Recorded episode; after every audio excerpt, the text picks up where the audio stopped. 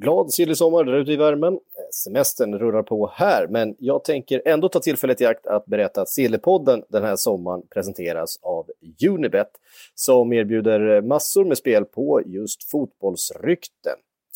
Den här veckan är det ju svårt att bortse från Gareth Bale som eh, uttryckligen inte är en del av Zidans planer i Real.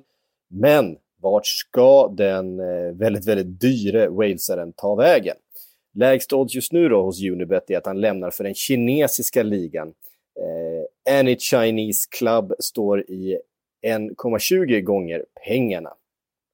3,50 på att han stannar och 7 gånger pengarna på att Bayern München tar över hans kontrakt. Ja, vad tror ni själva? Mm. Det spelet och en massa annat hittar ni på unibet.se. Glöm inte att du måste vara 18 år för att spela och misstänker att du spelar mer än du borde så besök spelpaus.se och läs mer om hur du pausar ditt spelande och får hjälp vid spelberoende. In the supermarket you have eggs class 1, class 2, class 3. And some are more expensive than others and some give you better omelets. That's the wrong information. Wrong, wrong, wrong information.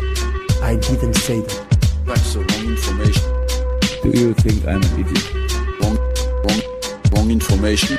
Now look at me when I talk to you. Your job is to tell the truth. That's the wrong information. Wrong, wrong information.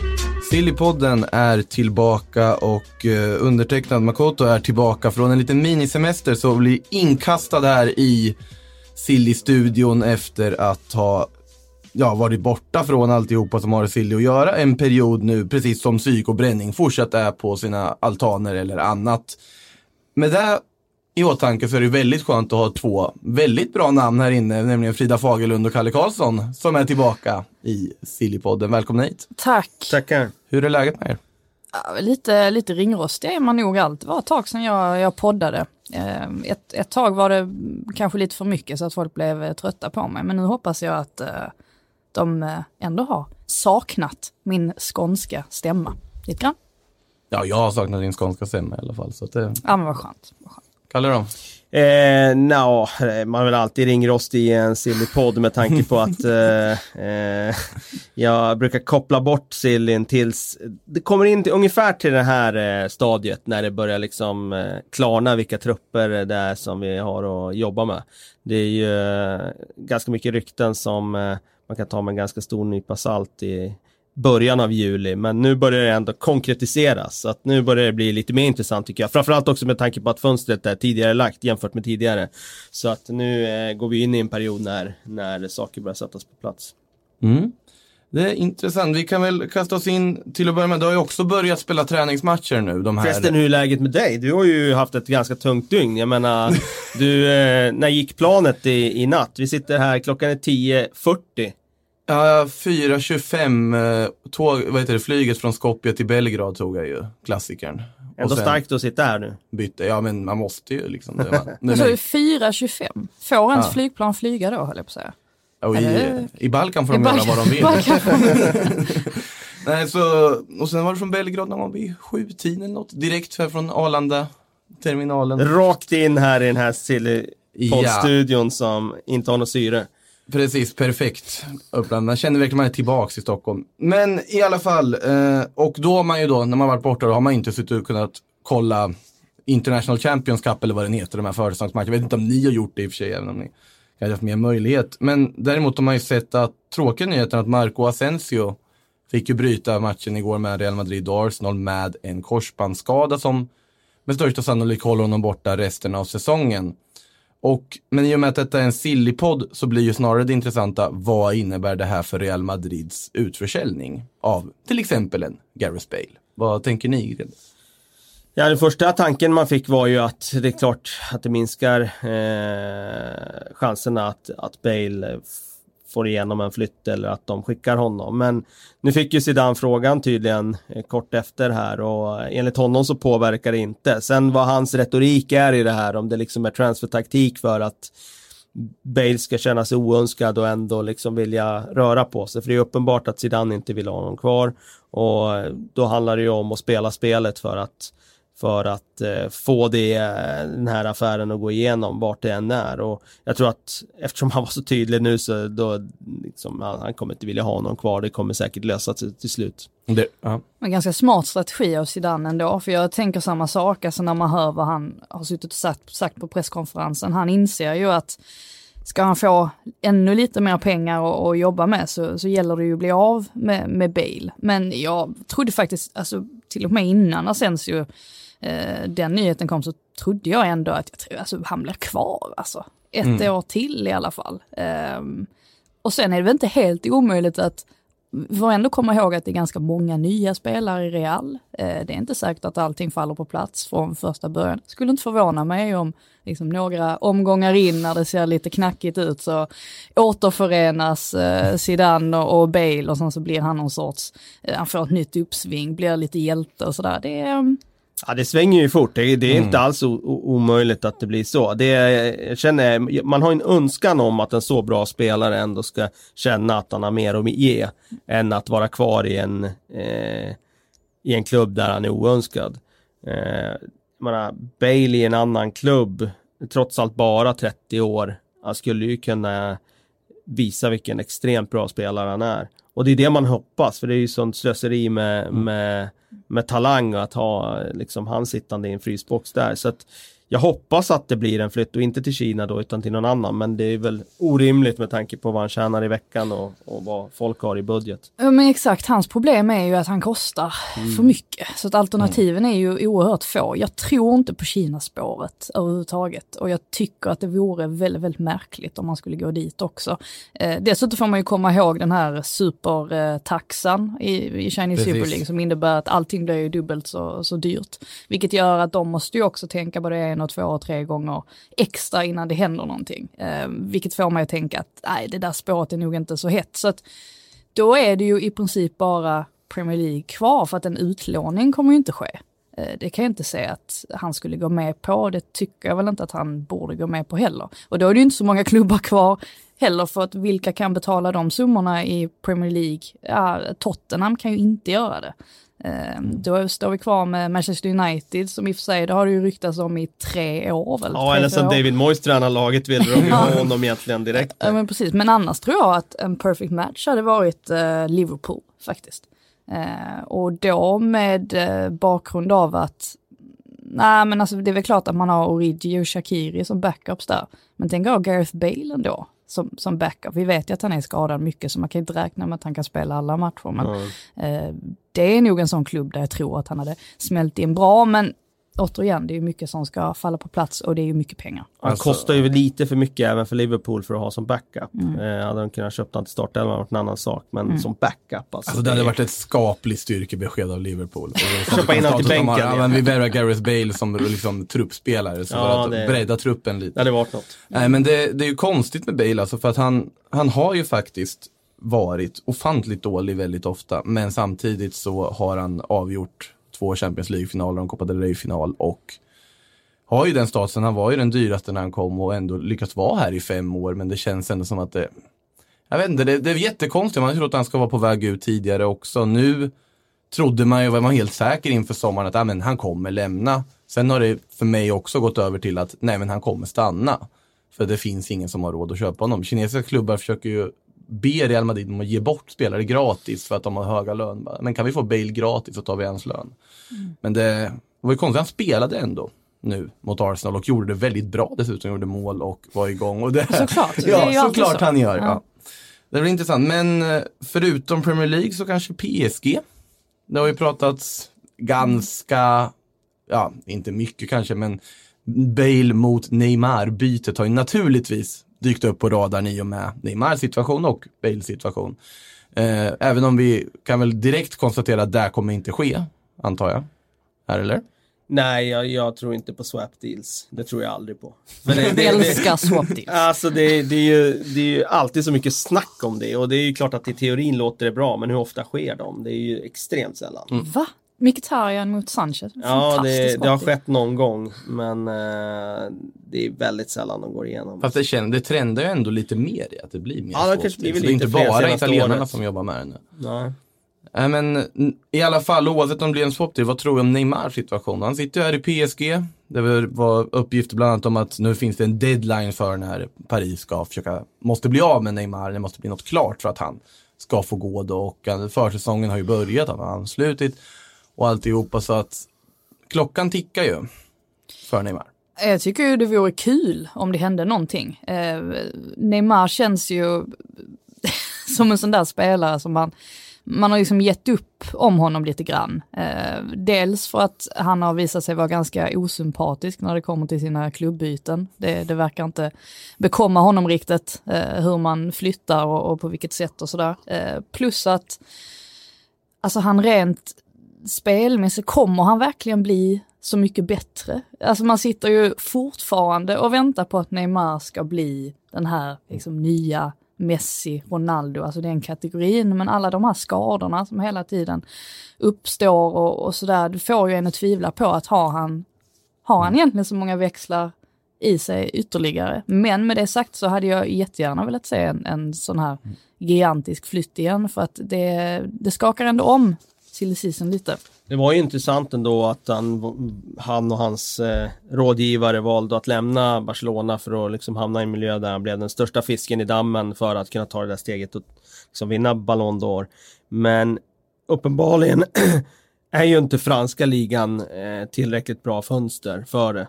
Eh, liksom, laget har varit dominant i Frankrike. Eh, visserligen inte gått långt i Champions League och det har ju påverkat såklart hans status. Men eh, det känns ju som att han vänder, vill vända tillbaka till en klubb och en miljö där han syns mer och där han liksom inte möter de här brödgängen eh, vecka efter vecka.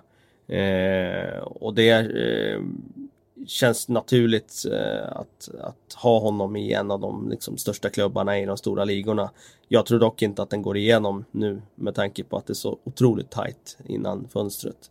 Och vad ska PSG få in istället? Det, blir- det blir ett tomrum där som de måste svårt att lösa på kort tid. Så att jag tror att det slutar med att han blir kvar. Eh, hade du frågat för tre veckor sedan hade jag trott att det skulle, skulle ske. Men eh, jag tror inte att det blir något.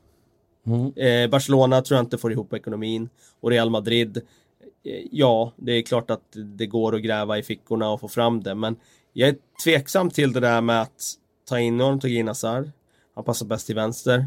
Neymar vill också utgå från vänster. Vinicius vill utgå från vänster. Ja, alltså sätter du liksom för många, då blir det ju samma sak som Manchester United i princip hade det problemet att eh, Sanchez ville vara på, eh, till vänster, Martial ville vara till vänster, Rashford ville vara till vänster. Och så har du liksom massa bra spelare men du har round, round pegs in square holes som det finns eh, ett uttryck i England som heter och det, det, det slutar sällan bra. Jag är intresserad av vad som händer, på tal om eh, ingenting höll jag på att säga, men det är ju på tal om Real, alltså vad som händer med Christian Eriksen. För att han måste ju, där måste ju ske någonting nu. Han, han sitter ju i en jobbig sits på, vi kan ju komma in, gå in på Paul Pogba direkt då med andra ord. Det passar ganska bra för det känns ju ganska sammankopplat Mm. Ja, här. verkligen. I och med att Pogba är ute på marknaden, ute på och letar nytt jobb.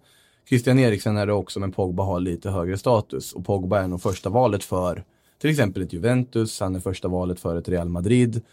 Men, och Eriksen måste sitta och bida sin tid och vänta på att nå- någonting händer med Paul Att pusslet Pogba. läggs egentligen. Ja, han, han är ju den som måste få, alltså nå, någonting måste ske för att Christian Eriksen ska kunna börja figurera lite mer. Och det kan ju bli en jobbig situation för honom när han sitter där på deadline och inser att shit, okej, vart ska jag?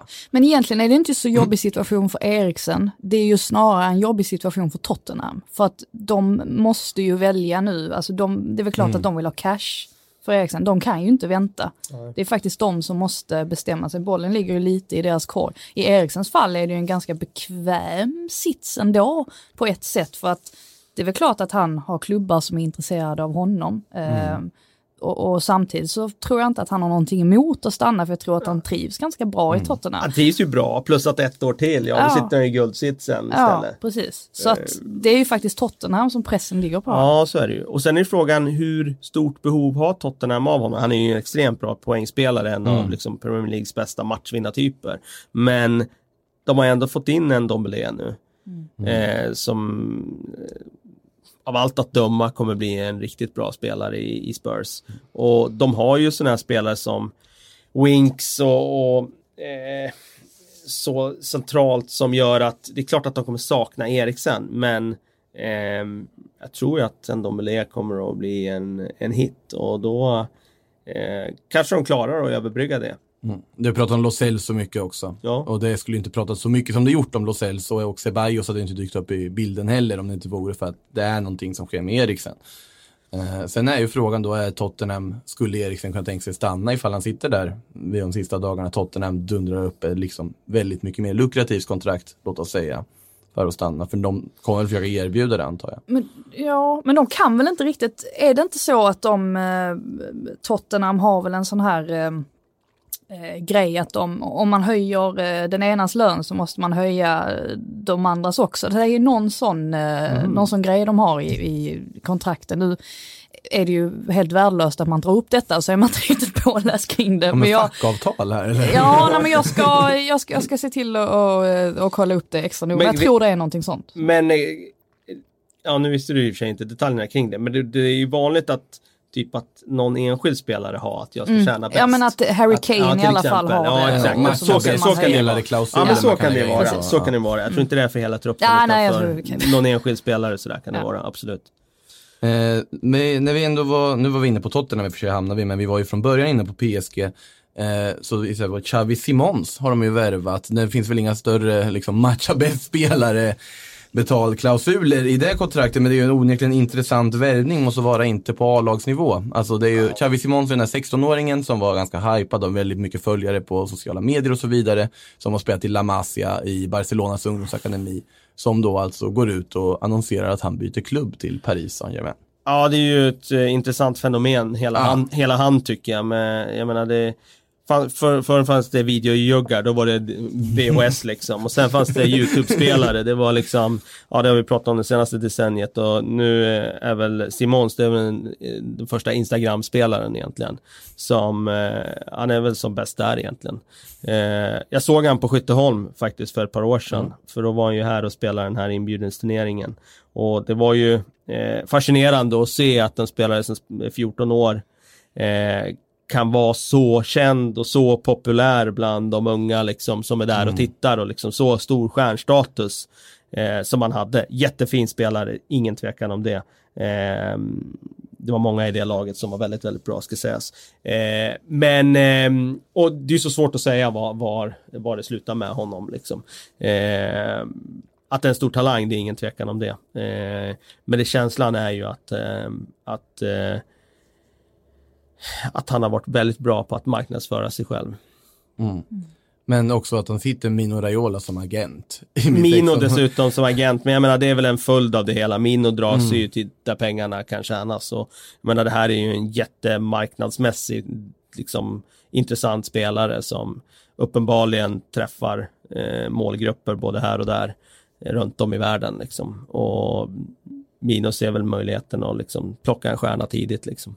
Vad tror vi om det här liksom fenomenet i allmänhet då? Det är ändå en 16-åring nu som är, må så vara att det är en instastjärna på så sätt. Som ändå gör en stor grej att ja, tack för den här tiden Barcelona och står med en Paris-tröja med liksom 2020, var det han skrivit kontraktet till har jag för mig. På deras sociala medier och så vidare. Att det blir en... 2020 måste jag skriva längre va? Ja, det kanske det var. Jag, jag såg Man får 2020. skriva max 3 med den åldern så att det är väl Ja. max 3 då. Eh, ja, det är väl en tecken i tiden liksom. Mm. Jag kan tycka att det är eh, fascinerande och eh, så, såklart också. Eh, finns väl någon negativ sida i att man kan bli så stor stjärna eh, Mm. liksom så tidigt som man kan bli via eh, ja, de kanaler som finns idag. Det, jag tror att det skapar eh, vissa negativa liksom, bieffekter. På tal om stjärnor, Paul Pogba var vi lite kort inne på här. Vi kan väl gå tillbaka till Paul Pogba, för han sitter ju också i Manchester United och inget har ännu bekräftats eller känts riktigt nära ännu, även om det pratas om klubbar. Då. Vad tror vi om Pogba? Sitter han också kvar på sin plats när fönstret stänger? United verkar ju ta det ganska piano ändå. Jag tycker när man lyssnar på Solskär och vad han säger om det så, så verkar ju inte, verkar inte finnas någon stress egentligen. Däremot så tycker jag att, att de har varit på och velat ha Bruno Fernandes eh, så starkt nu eh, på sistone kanske indikerar att de ändå är lite rädda för att han kommer att lämna eh, och då måste man ha någon liksom, plan B. Å andra sidan så även om Fernandes skulle komma in, alltså han och Pogba hade ju säkert fungerat ihop också så att det är väl ingen eh, det är väl inget sånt där alltså rakt byte man tänker sig så men eh, jag, jag är fortfarande jag vet fortfarande, fortfarande faktiskt inte vad som kommer hända, men jag tror det hänger lite på Real också. Ja, och där måste man ju sälja för att kunna finansiera Pogba. Då är ju Bale bland annat, det är James Rodriguez som fortfarande sitter. Eh, Men för Uniteds del tänker jag, de måste väl Swap också... Rodrigue, eh, Bale och James till United och Pogba till eh, Real. Ja, faktiskt. Den är inte helt... Nu, då hade ju både Atletico och Napoli fått ge upp det här Chamez-spåret. Det krävt ganska mycket jobb och övertalning och så vidare. För Chamez verkar vara inställd på Atletico. Men samtidigt så för Uniteds del tänker jag att de måste väl också på något sätt, om man ska finansiera en omstrukturering så känns det ju som att Pogba-pengar är ganska viktiga i den. För att liksom, nej, jag kanske inte håller med där riktigt, för du har pratat om Dybala, du har pratat om en Sergej, Milinkovic Savic, men Sergej är väl lite mer också en Pogba-ersättare Ja, på ett är annat sätt. Eh, Men det känns som att de måste väl ändå på något sätt offloada också för att kunna börja plocka in spelare av den kalibern som man vill plocka in. Ja, alltså sen samtidigt så, eh, jag vet liksom inte riktigt om United har hamnat i, i ett sånt här läge där man, eh, alltså de, de har ju inte spenderat speciellt mycket hittills. Eh, de har i alla fall en stor alltså värvning de kan göra ytterligare. Alltså, och det verkar ju som att man vill lägga krutet på Maguire då och få till den dealen.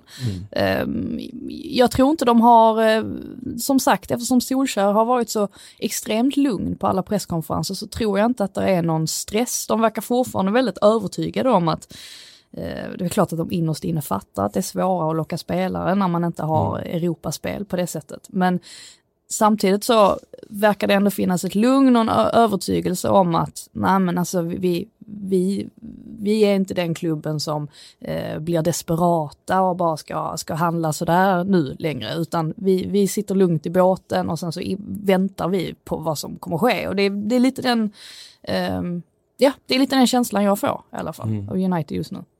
Det känns ju som att alla sitter och väntar på alla på något sätt. Så Det, Ja. det, det, det händer ingenting när alla sitter och väntar. Det är så här liksom... Ja, men, men sen det här Bruno Fernandes, jag, jag tror ju med tanke på eh, alltså Sporting, det finns ju ändå en ganska lång historia där av att eh, liksom sälja spelare till Premier League så att, eh, Och till United. ja precis, inte minst.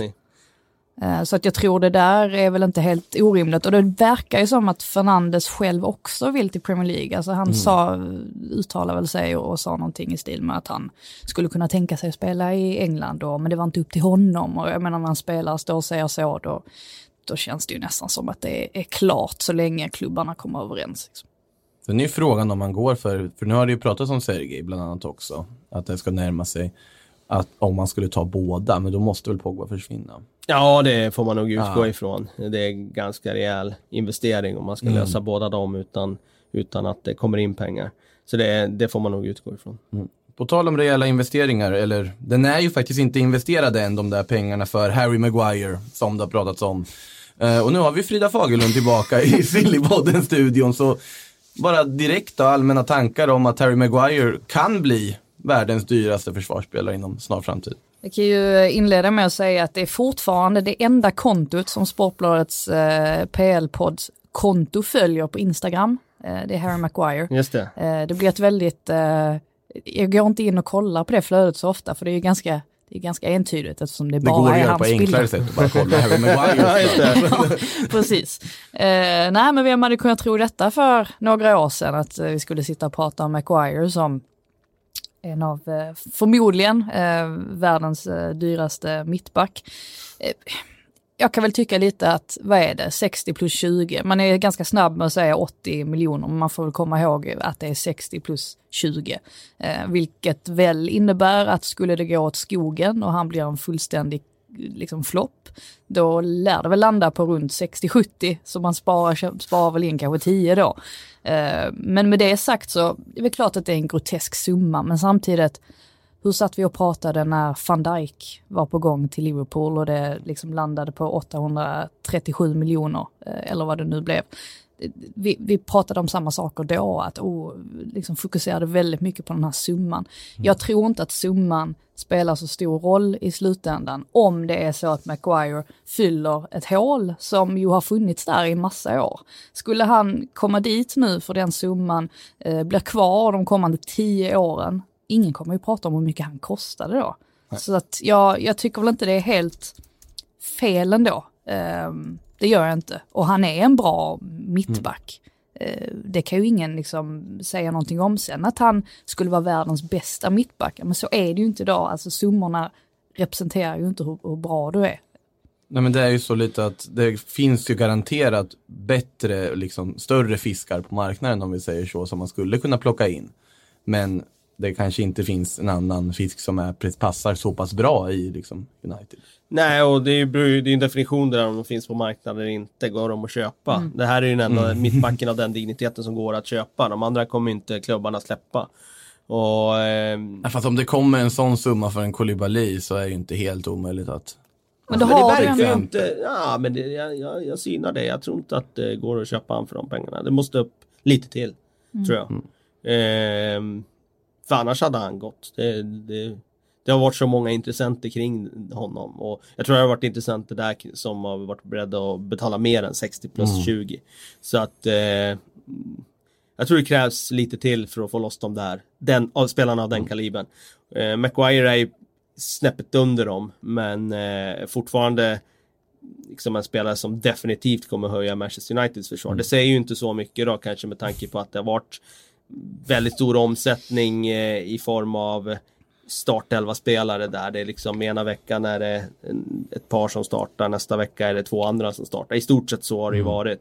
Eh, men jag tror att mycket kan falla på plats om man får in en bra försvarschef. För det har man ju sett i Liverpool att rätt spelare där har lyft alla Ja. dem runt omkring. Och nu får de dessutom in en riktigt bra högerback här nu i Van Som kommer att lyfta eh, den positionen och då, det kan göra stor skillnad alltså. Jag tänkte precis säga det också, att då går man ju helt plötsligt från att ha en katastrofal backlinje till att faktiskt ha, liksom, återigen, en av ligans bästa Ja, backlinjer. eh, man får ju se hur de fungerar kollektivt. Men om du tittar på bara egenskaperna så ja, det är en av de bästa, absolut. Det är ju det är de två problempositioner de hade den här säsongen, högerback och en mittback som de då graderar upp ganska många varv. Och det kan göra enorm skillnad som sagt. Ja. Alltså det, Sen är ju Maguire en fantastisk huvudspelare också eh, och ett offensivt hot. Det så att det får man ju på köpet.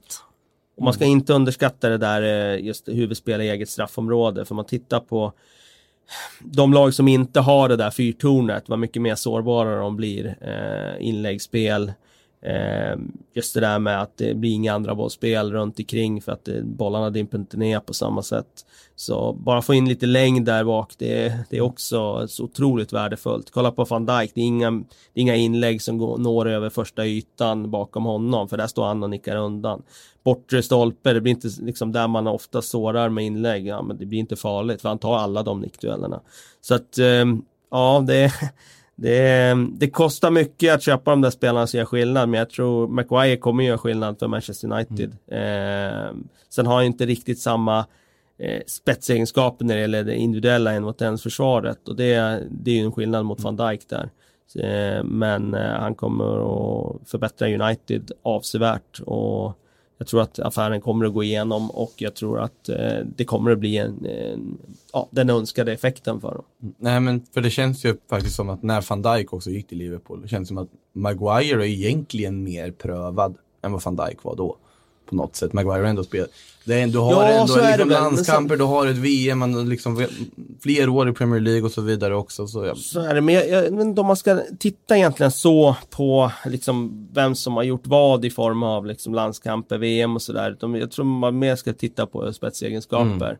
Van Dijk har unika spetsegenskaper. Du, du får inte, alltså hur många försvarare i världen stöps i den formen, alltså den storleken, den snabbheten, så trygg med bollen. när man ser Eh, ut alltså- att han är tagen från ett labb. Ja, i, i, i, försvarsspelare princip, Ja, i princip. En prototyp liksom. Mm. Och så här ska framtidens mittback vara. Och eh, jag tycker, tror man ska titta mer så än att titta på hur många Mm. eh, VM-matcher har du i CVt och så vidare. Du kan hitta många mittbackar i, i världen som har fler VM-matcher än, än de här två. Liksom. Sen levlade ju van Dijk faktiskt upp liksom till ännu en nivå kändes det som när han Ja, kom till. Liverpool. Mm. För att vi får inte glömma bort att den hösten i Southampton, den var ju inte bra. Det var ju faktiskt så, det var ju en del av, Mm. eller anledningen till varför den här summan blev så omdiskuterad. För folk menade Mm. att han har inte ens varit bra i Southampton nu på sistone.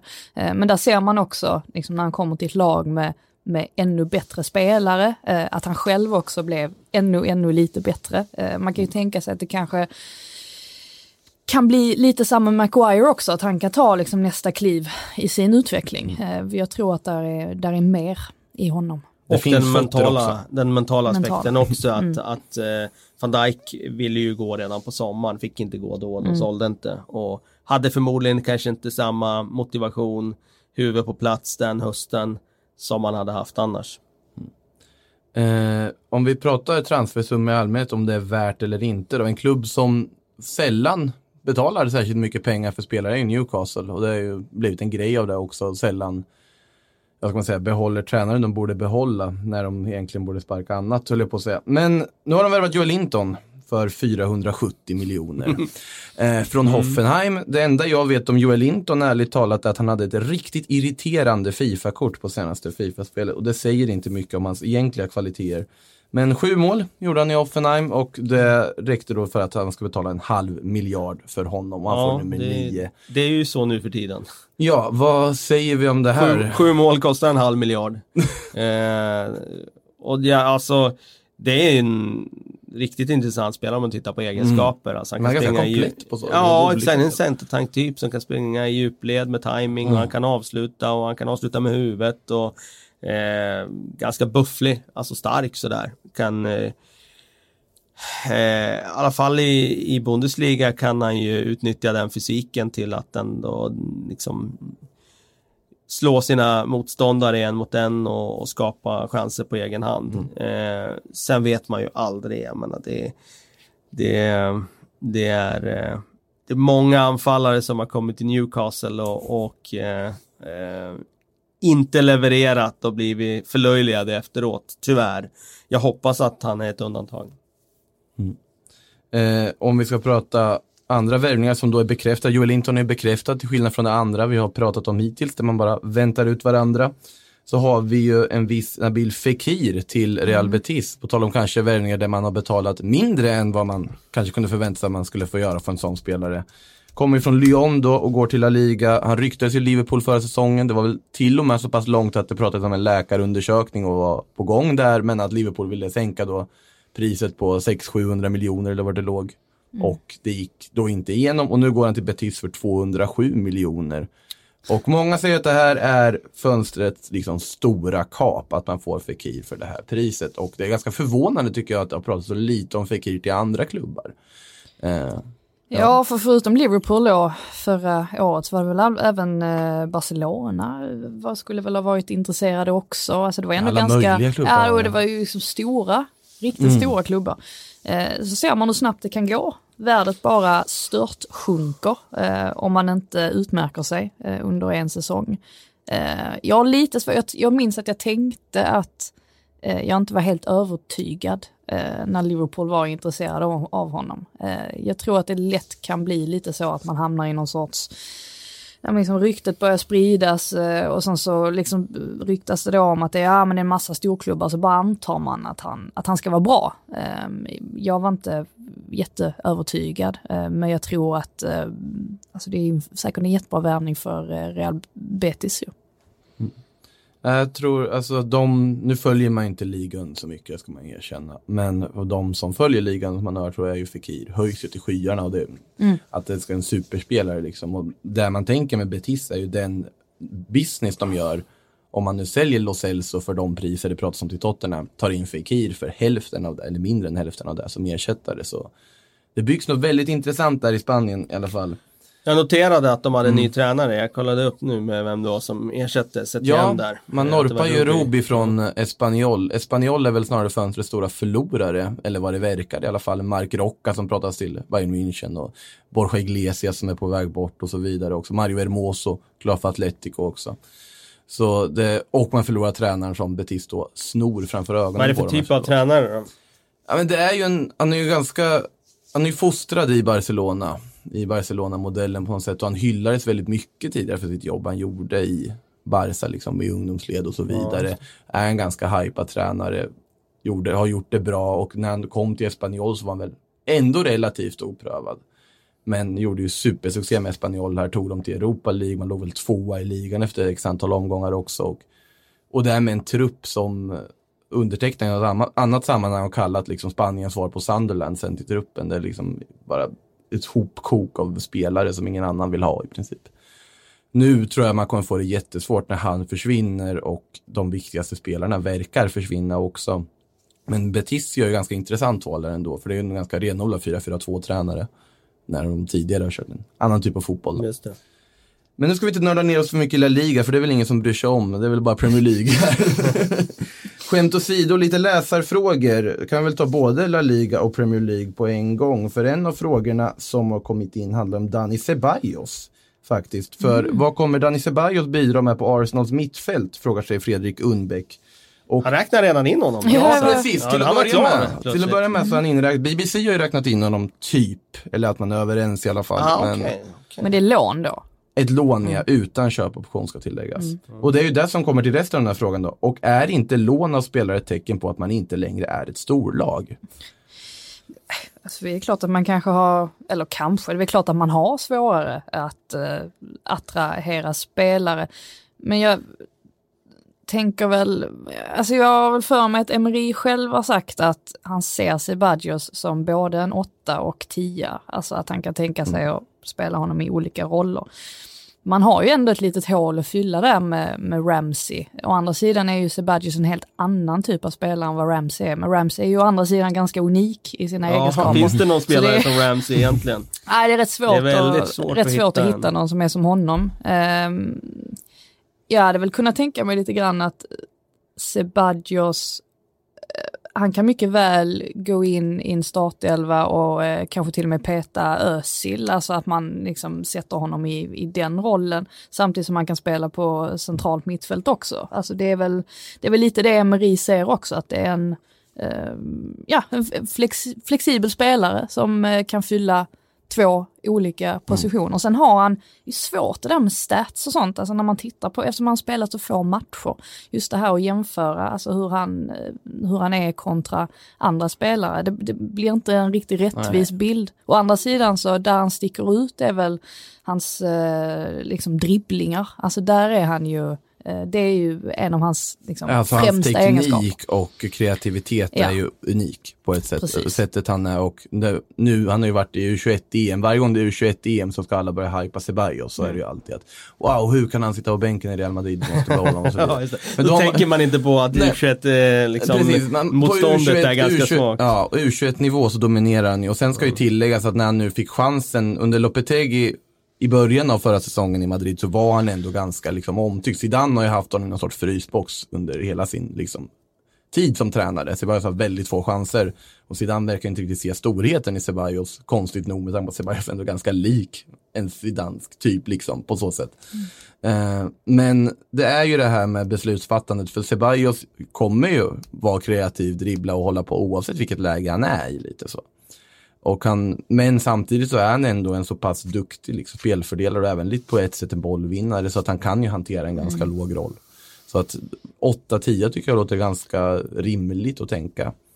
Men lån, ja. Det känns väl som det är rätt typ av spelare som kan förbättra laget. spelar väl ingen roll om det är ett lån eller inte. I alla fall inte om det är från liksom, ett Real Madrid eller Barcelona. Eller Nej, så är det väl. Det blir väl mer att det blir ett kortsiktigt tänk eh, Mm. och att man hamnar i problemet då för Arsenal, att man inte har spelarna i böckerna liksom. Ja. Men det är klart, misslyckas han så då är man ju glad att det var ett lån. Liksom. Ja, man kan ju få en övergång ändå. Kovacic är väl kanske inte ett misslyckande, men han var inte en supersuccé heller. Gick ändå för en halv miljard. Eh, på tal om mittfältare och London, Sebastian Ekström frågar, tror ni Spurs är nöjda om man landar Lo Celso och Sessegnon, eller är man på jakt efter något mer? I så fall, vem tror ni kan, de kan tänkas försöka värva?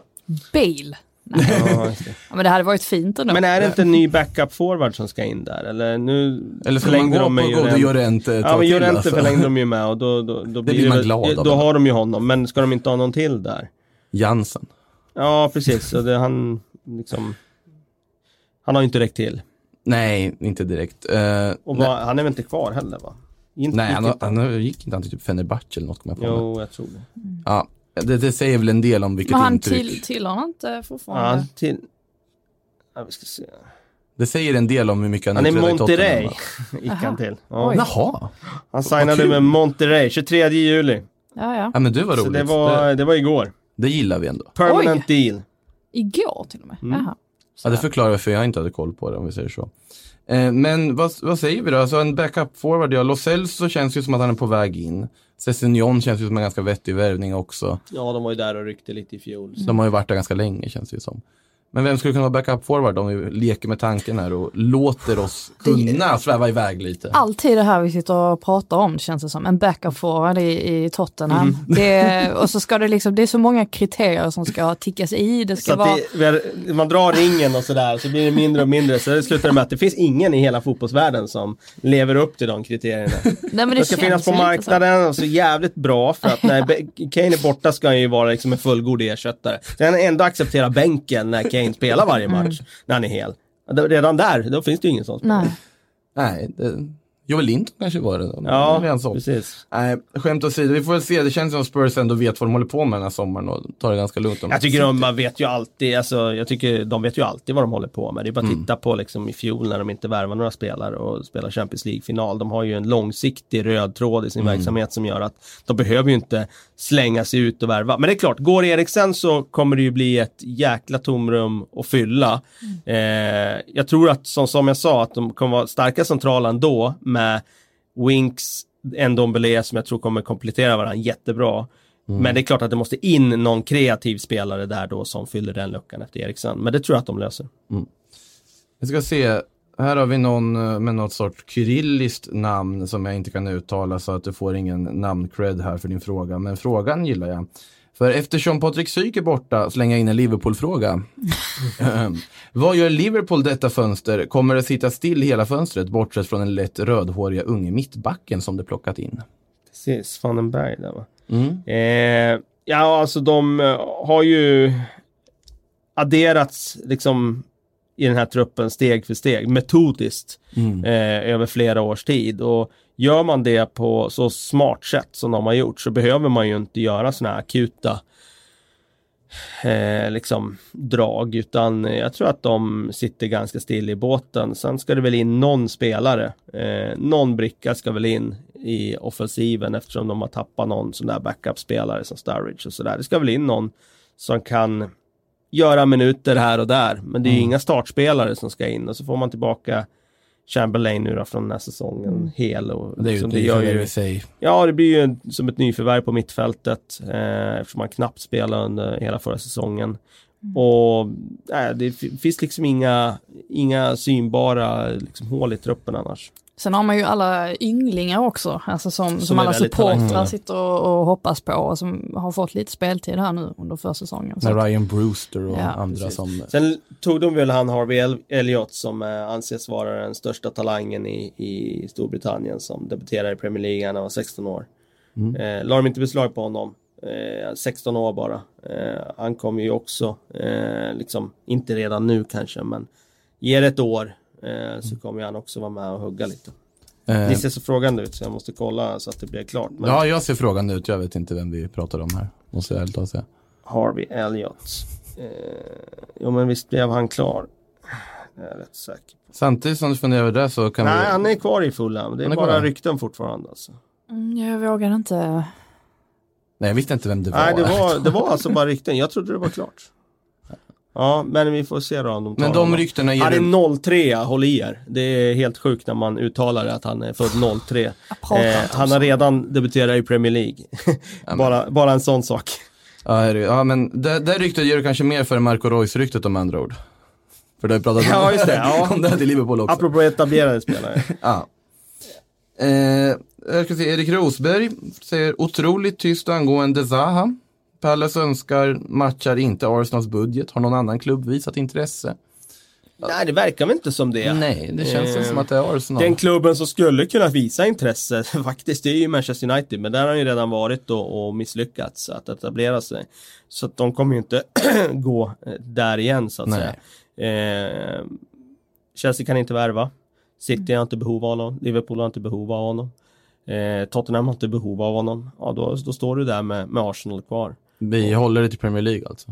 Ja, det, det tror jag nog att vi gör i det här fallet. Eh, det är de som har råd att lägga så stora pengar på en spelare som ändå har varit i en stor klubb och misslyckats tidigare.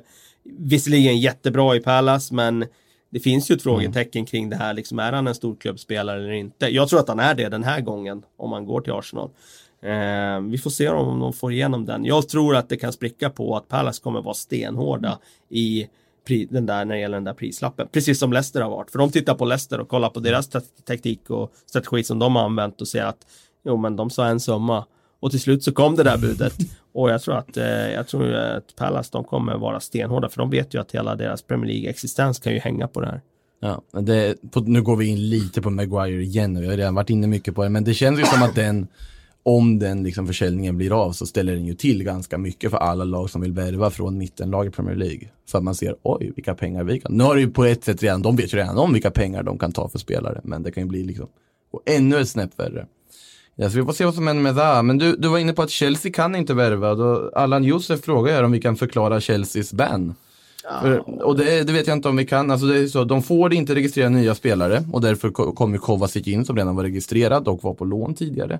Men hur blir det då med Pulisic, liksom som köpte det i vintras? Men Ja, där, Alltså, jag vet ju inte exakt hur de där Mm. är formulerade, de där eh, liksom reglerna, men det har ju alltid funkat så tidigare att det som är uppgjort innan transferbudet liksom Mm. eh, eh, klubbas, det, det får man genomföra och Pulisic var ju ett pre-contract redan i vinterfönstret så att ja, det, det ska väl vara eh, registrerat då att man rent formellt att han redan då registreras men lånas tillbaka. mm, på något, ja, vi hade ju en lån precis så han var ju redan reggad. på Så att då är han redan reggad och ja, då är han och då är det ju löst. Ja. Eh, en annan fråga vi har fått där, den är väldigt bred och den kommer absolut inte gå igenom hela här. Men spansk fotboll frågar gärna en genomgång av La Ligas fönster.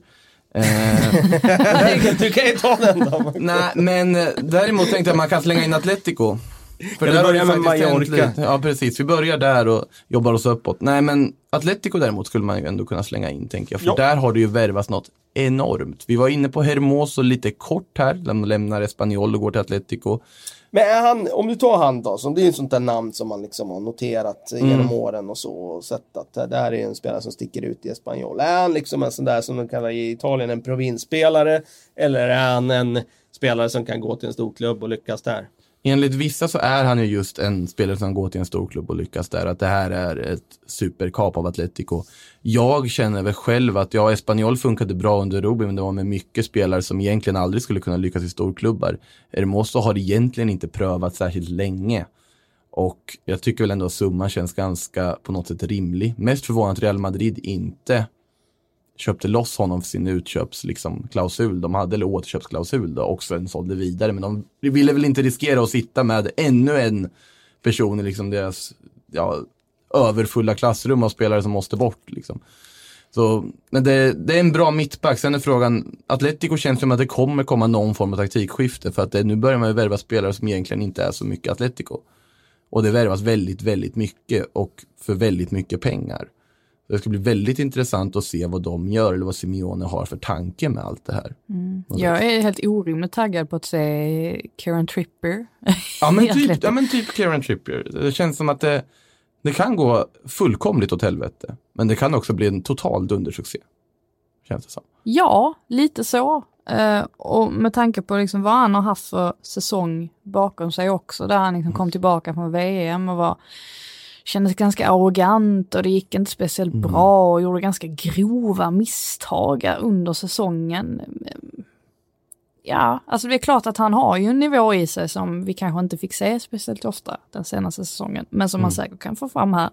Och särskilt med tanke på då att liksom Simeone och hela det defensiva, eh, geniala tänket han har. Jag, jag tror nog att uh, Tripper kan akklimatisera sig ändå. Um, tror inte det är omöjligt, plus att han är ju en fantastisk uh, wingback också om det skulle vara så. Så att, um, nej, det kan nog bli uh, succé. Men vi får väl se, det hänger väl lite på också hur han själv vi vet ju att engelsmän har ju det här problemet när, ja, men som Bale, liksom, han, kan, han kan säga två ord på spanska, han har varit där i flera år. Jag hoppas ju att Trippier är mer mottaglig för att lära sig språket och komma in i det betydligt bättre. För att sånt där krävs ju också. Jag tror det faktiskt det är en av anledningarna till att Zidane och, och Bale kanske inte går ihop. För jag tror inte att man får så mycket respekt som spelare om man liksom kommer till ett annat land och sen så lär man sig inte språket och sånt. Jag, nej, jag, jag tror inte att det uppskattas riktigt. Spelar Trippier någon golf på fritiden? Vet du? Jag Ingen, Äh, men antagligen alla fotbollsspelare spelar, väl golf. golf. Ja. Eh, ja, men det blir intressant att se. Men det känns ju som jag såg någon som jag skrev tidigare där att Trippier kanske har varit lite svajig i försvaret tidigare eller inte haft, eller varit lite för arrogant för att försvara på sista tiden Mm. efter VM och så. När han kommer till Atletico, då har du inget val. Ja, då lär du dig försvara, för annars då kommer Mm. du inte bli kvarlivad oavsett om du spelar ytter liksom mittfält eller om du spelar ytter mitt, var- vart du än spelar. Så det, det talar för att, ja, att han kanske kan lära sig försvara och han kommer tvingas lära sig försvara om du spelar under Simeone. Förutsatt att man spelar som man har gjort under den här framgångseran där de ändå blivit en storklubb här då. Man blir inte, man blir inte lika utlämnad i deras försvarsspel heller. Nej. Det är väldigt kollektivt och man hjälper varandra och så vidare i alla situationer. Så det är lättare att försvara i Atletico än vad det är i andra klubbar. Mm. Eh, men eh, ja, det var, det var en intressant värvning när den skedde. Det var inte riktigt det man såg. Att Simeone skulle vilja ha en spelare som har visat de typerna av, av bräcklighet. Ja, Sen värvade ju han Kalinic inför förra säsongen så att det var, vad som helst kan väl egentligen hända fortfarande också. Eh, ska vi ta en fråga till innan vi eh, tar oss ur det här vad heter det, lilla poddbåset här och får lite luft. Eh, vad händer med Robin Olsen? Jag tyckte det var ganska bra. Sen kommer vad händer med Maguire? Kommer den transfer rinna ut i sanden? Det är Freddy Svensson som frågar, men det har vi ju redan varit lite inne på. Så Olsen tar vi från den frågan. Olsen är ett, det är ett mysterium. För jag tycker alla klubbar som har eh, liksom poppat upp så tänker man alltid att men där är väl redan målvakter så det räcker att bli över. Ehm, vad, är det, vad är det senaste ens kring honom? Benfica va? Ja, jag såg Jaha. Benfica också. Ja, ja. Eh, det låter väl inte helt dumt. En gammal svensk klubb med Tern och Schwarz och Svennis. Och Lindelöf, Ja, bara en sån inte minst. Anders Andersson. Men eh, jag tyckte det var spännande när det var Watford där förut. Mm. Eh, de har visserligen klar Frida-favoriten Ben Foster. Eh, men eh, är eh, fantastiskt. men eh, alla lag i Premier League, nästan alla, har ju faktiskt två bra målvakter. Alltså, Mm. jag menar, det behövs där. I de den har ju Pontus har råd att ha det. Dahlberg. Ja, men eh, det är ju också intressant att se vad som sker där. Om han kan ta steppet upp liksom till att bli tvåa eller... Ja, för Gomes blir ju kvar ett år trots allt. Ja, blev man det? Ja, han annonserar ju det att ja, men jag blir kvar ett år till. Så Gomes är ju kvar ett Men år de till. tackade ju av honom. Ja, men sen ändrar han sig. Okej. Ja, det, här, det här vet jag, för jag tror till och med att jag skrev någonting i Silly-bloggen om det. Det här var ett tag sedan. Kan gå snabbt i svängarna. Han kan ha Mm. Det gör på ju det, det går. dagarna. Ja, han, han är kvar. Ja, ja. Så där, där kan vi kasta Watford rakt av om inte Foster ska röra sig. Känns det som. För Ja, ja, skulle ja, inte skriva på absolut. Nej, men då ett, har de- en säsong till för absolut. att agera tredje keeper bakom Dahlberg. Liksom. Ja, nej men då, då har de ju spelare. Ja, eh, det får vi se vad som händer med oss, men det känns ju ganska tyst. Men det känns ju som att Roma kommer väl garanterat göra sig av med med tanke på att Paul Lopez redan är klar in. Och Paul Lopez är inte värvad för att nöta någon bänk om vi säger så. Man, man eh, fattar inte riktigt heller när den här brytpunkten kom i Roma, för det kändes ändå som att ja, men inledningsvis fungerade ganska bra och sånt med honom. Eh, liksom, ja, men det, det var liksom inte några tavlor så på det sättet. Och sen så helt plötsligt så, ja men det var en match där, där han gjorde någon ganska grov tavla och sen känns det som att det liksom har smugit sig in att han liksom nu är petad totalt. Ja, alltså det, på något sätt och för i hans del så har han ju varit lidande och kanske liksom det mest självklara exemplet på en transferfilosofi som inte fungerade. När Monchi kommer dit, han har jobbat på ett visst sätt i Sevilla, jobbar på ett visst sätt nu också i Sevilla när han kommer tillbaks med att värva allt och allting han hittar. Alltså Sevilla är väl uppe i 12 värvningar eller någonting nu redan som är klara för diverse summor hit och dit. Det är en Dabour från Salzburg, det är en eh, Luke de Jong som har kommit in, det är en eh, vad heter det, Juan Jordan, det är en allt möjligt värvar man in. Eh, och det gjorde han i Roma också i ett läge där Roma snarare skulle värva kvalitet före kvantitet. För att han ser möjligheten att förädla spelare för, som han värvar och fyndar då. För att kunna sälja vidare och tjäna pengar på så sätt och få klubben att funka. Och det funkade väldigt bra i Sevilla och vi får se hur det funkar nu när han gör det igen och extremt också dessutom. Men Olsen vart ju en typ av Monchi-värvning. Eh, Olsen blev ju också en liten, alltså han blev ju en VM, klassisk VM-värvning. Alltså någon Mm. som har varit bra under VM och så plockar man honom och så, äh, det är inte så bra ändå. Mm. alltså när man baserar väldigt mycket på den insatsen. Jag tror inte, hade Sverige inte gått till eh, kvartsfinal så tror inte jag att Robin Olsen hade gått till Roma. Nej, kan Nej. vara så. Just det där med VM-värvningar var ju faktiskt mer för, ja men typ 8-9 år sedan när liksom då, den typen av VM då. Eh, det kändes som att det blev ett begrepp som klubbarna ändå insåg att ja, vi ska nog inte agera på det här sättet. För det blir väldigt impulsivt liksom. Och det har väl bevisats när man har tittat på värvningar att just den här typen av mästerskapsvärvningar eh, har sämre utfall än, än andra värvningar. Föga överraskande. Alltså att basera en värvning på fyra matcher jämfört med att titta på en spelare under en säsong är ju eh, ganska logiskt att det, att det ger sämre utfall när det handlar om vilka värvningar som lyckas och inte. Och ändå görs det ändå, fortfarande. På ett. Dåliga sportsliga ledningar finns det gott om samtidigt som Robin Olsen och resten får sitta och vänta. För det känns som att det är många som väntar och eh, ni får slippa vänta mer i alla fall på ett nytt avsnitt för det har ni fått lyssna på nu. Får ursäkta att vi har varit borta ett tag men det är ju semestertider som sagt. Vi är tillbaka nästa vecka igen. Ha det gott tills dess. Hej då. I didn't say that. That's the wrong information. Do you think I'm an idiot? Wrong, wrong, wrong information. Now look at me when I talk to you. Your job is to tell the truth. That's the wrong information. Wrong, wrong information. I'm not gonna have you twisting everything I say. Twist, twist, twisting everything I say. So make that clear.